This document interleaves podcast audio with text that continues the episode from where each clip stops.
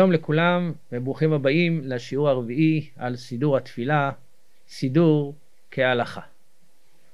דיברנו בשיעורים הקודמים על פסוקי דזמרה, דיברנו על הקדיש והגענו לקריאת שמע וברכותיה. אני רוצה לפתוח קודם בשיעור הזה בקריאת שמע ובשיעור הבא בברכות של קריאת שמע. קריאת שמע מצווה מן התורה. אנחנו אומרים בכל יום, פעמיים ביום, בשוכבך ובקומך, קוראים קריאת שמע ומקבלים על עצמנו עול מלכות שמיים. אבל יש לנו בקריאת שמע משהו מאוד מוזר, מאוד מאוד מוזר, אבל כיוון שאנחנו כל כך רגילים משחר ילדותנו, אנחנו לא שמים לב עד כמה הדבר מוזר.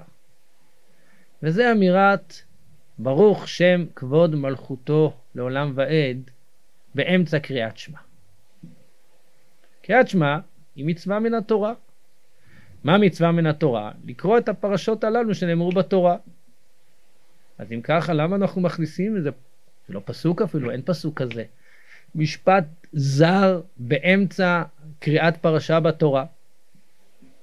מין בשאינו מינו, מהיכן הוא נכנס? ואם הוא כבר נכנס, אז למה אנחנו רואים אותו בלחש? נגיד אותו בקול רב. אם כבר החלטנו שצריכים להכניס אותו, אז נגיד אותו בקול רב. לא, כולם מכירים את המדרש, למשל על מרום, שמע מה, מהמלאכים, ברוך שם כבוד מלכותו לעולם ועד, כביכול גנב להם את, את זה, ואז כיוון שזה גנבה בידינו, אנחנו רואים את זה בלחש. וביום כיפור, שאנחנו כמלאכים, אנחנו רואים את זה בקול רב. טוב, אבל הדברים עדיין אה, לא מספקים וצריכים תלמוד. והשאלה הזאת אה, נשאלה על ידי חכמים. אה, הגמרא מביאה, אה, הגמרא בפסחים, דף נ"ו עמוד א', מביאה ברייתא שיש מחלוקת תנאים, הם אומרים ברוך שם כבוד מלכותו לעולם ועד או לא אומרים. ועל זה שואלת הגמרא, ואנן מה איתה מה אמרינן? למה אנחנו אומרים באמת? שוב, שאלה ששאלתי, מה פתאום אנחנו מפסיקים באמצע קריאת שמע לאמירת ברוך שם כבוד מלכותו?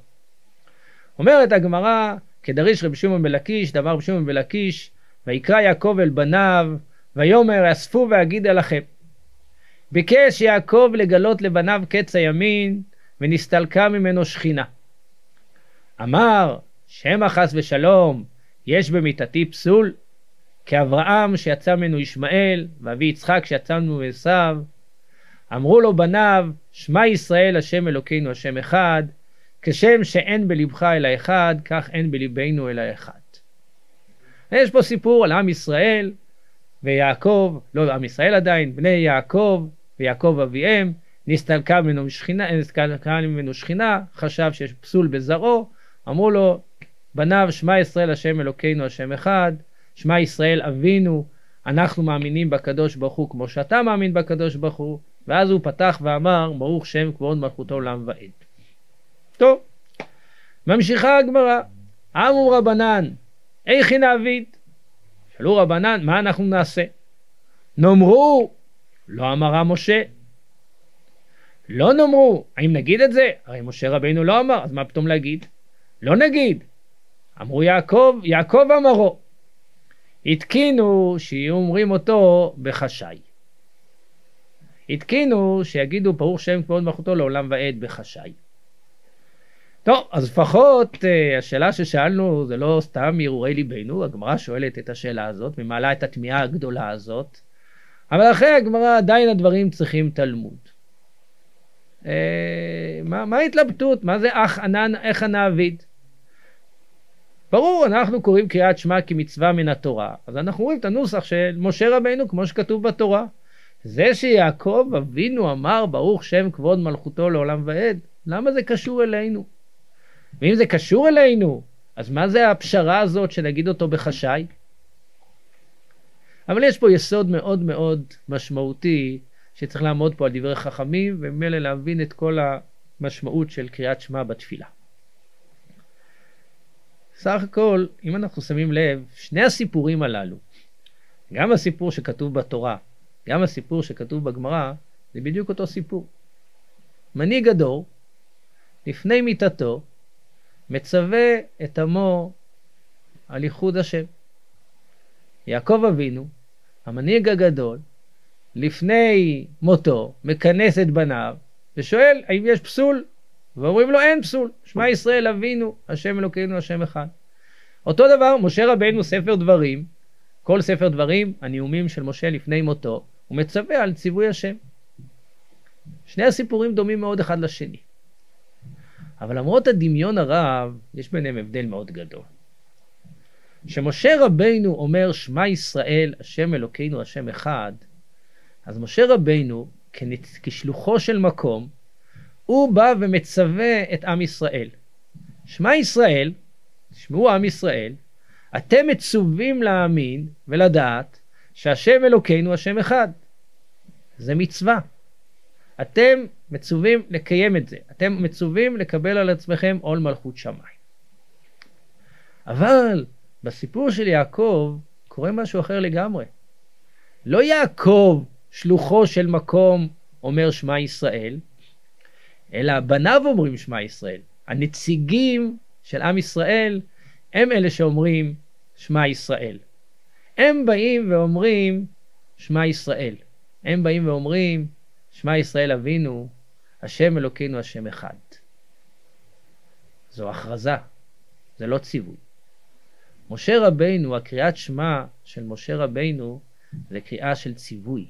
אתם מצווים לקבל עליכם עול מלכות שמיים. השמע ישראל של בני יעקב זה לא ציווי, זה הכרזה. אנחנו מאמינים בריבונו של עולם. ועל זה אמרי רבנן, איכי נעביד, שאנחנו קוראים קריאת שמע, מה נעשה? האם אנחנו קוראים קריאת שמע של משה רבינו, של ציווי? זה מה שאנחנו קוראים? האם אנחנו בכל קריאת שמע בעצם משחזרים את הציווי האלוקי? קוראים את האיגרת של המלך שבה אנחנו שומעים את המלך מצווה עלינו להגיד קריאת שמע? זה פירושו של הקריאת שמע שלנו?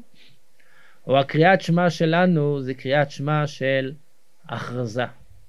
אנחנו מכריזים לבורא עולם, מכריזים לקבל עם ועדה, אנחנו מאמינים בקדוש ברוך הוא שהוא אלוקינו והוא אחד. מה טיב הקריאת שמע, שלנו? איך היא נעביד? נאמרו, נגיד אותו. האם הקריאת שמע שלנו היא קריאת שמע של קבלה, של הכרזה? אבל משה רבינו אמר קריאת שמע אחרת, ציווי. האם לא נגיד אותו? כמו הציווי של משה רבינו? הרי הקריאת שמע של בני יעקב היא קריאת שמע של הכרזה. התקינו שאומרים אותו בחשאי. מה זה בחשאי? אנחנו גם אומרים וגם לא אומרים. מה טיב הקריאת מה שלנו? מה אנחנו קוראים? מה אנחנו אומרים כל יום פעמיים ביום?